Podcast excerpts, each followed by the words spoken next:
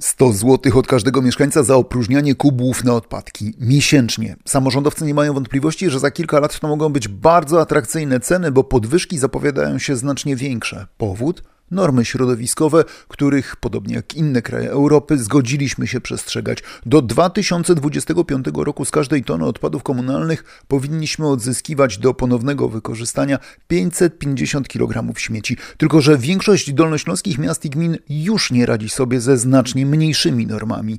Ja się nazywam Andrzej Andrzejewski, to jest audycja Wieczór z Dolnego Śląska. Dziś porozmawiamy o dużych pieniądzach i wielkich inwestycjach, które od lat budzą olbrzymie emocje.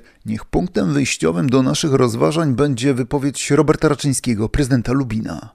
Ja ciągle powtarzam, że powinniśmy zacząć z powrotem rozmawiać poważnie na temat spalarni, śmieci, dobrze zlokalizowanej, niekonfliktowej, która nikomu nie szkodzi, jeśli chodzi o przestrzeń, albo spalarnię bezdymną, bo są przecież takie we Wiedniu czy Berlinie, który jest projektem dla wszystkich. Po ostatniej wielkiej kłótni o spalarnię w Kłopotowie, po powracającej kłótni o jeszcze nie powstałą, ale Urząd Miasta w Legnicy miał zamiar wybudować na peryferiach w Pątnowie Legnickim też spalarnię, mimo wielkich protestów społecznych, myśli Pan, że ktoś samorządowców jest w stanie przekonać mieszkańców do tego, że taka inwestycja jest potrzebna? Znaczy sami mieszkańcy się domagają od nas obniżenia kosztów śmieci. A nie ma innej możliwości, jak tylko pozbycie się tych śmieci w najtańszy sposób, a najtańszym sposobem jest ich spalenie.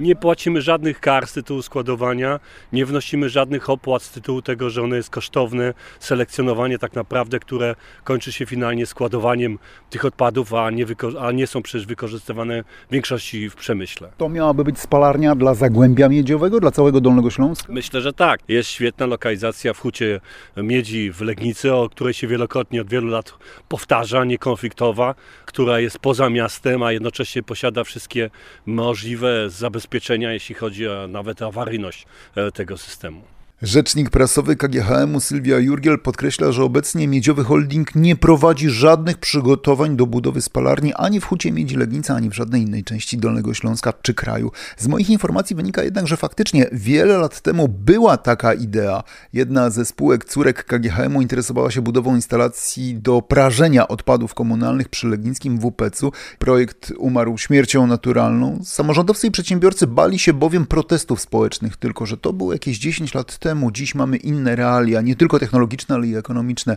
Mamy już połączenie z panem Emilianem Berą, burmistrzem Jawora. Witam. Dobry wieczór, panie redaktorze, dobry wieczór państwu. Pierwsza dolnośląska spalarnia śmieci staje się realna?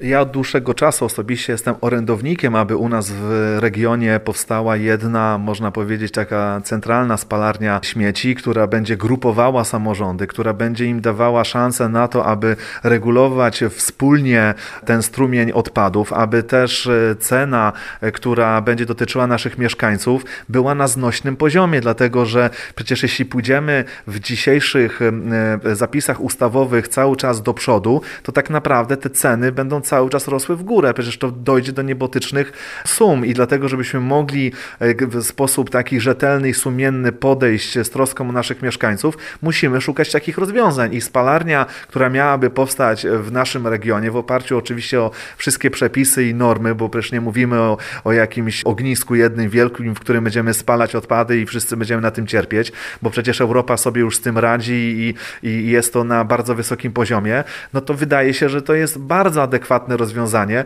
Zresztą z kolegami samorządowcami, jak rozmawiamy na te tematy, to wszyscy są żywo tym e, zainteresowani, także taki projekt jak najbardziej byłby zasadnym. Lubin, Kłopotów, Pątnów Legnicki, a wcześniej jeszcze Osetnica, to są miejscowości, gdzie miały powstać spalarnie i albo powstały, tak jak w Kłopotowie, do dzisiaj mieszkańcy to wypominają swoim samorządowcom, albo nie powstały na skutek olbrzymich protestów społecznych. Myśli pan, że mieszkańców tej części Dolnego Śląska dałoby się przekonać, że taka spalarnia rzeczywiście jest potrzebna, być może na ich terenie?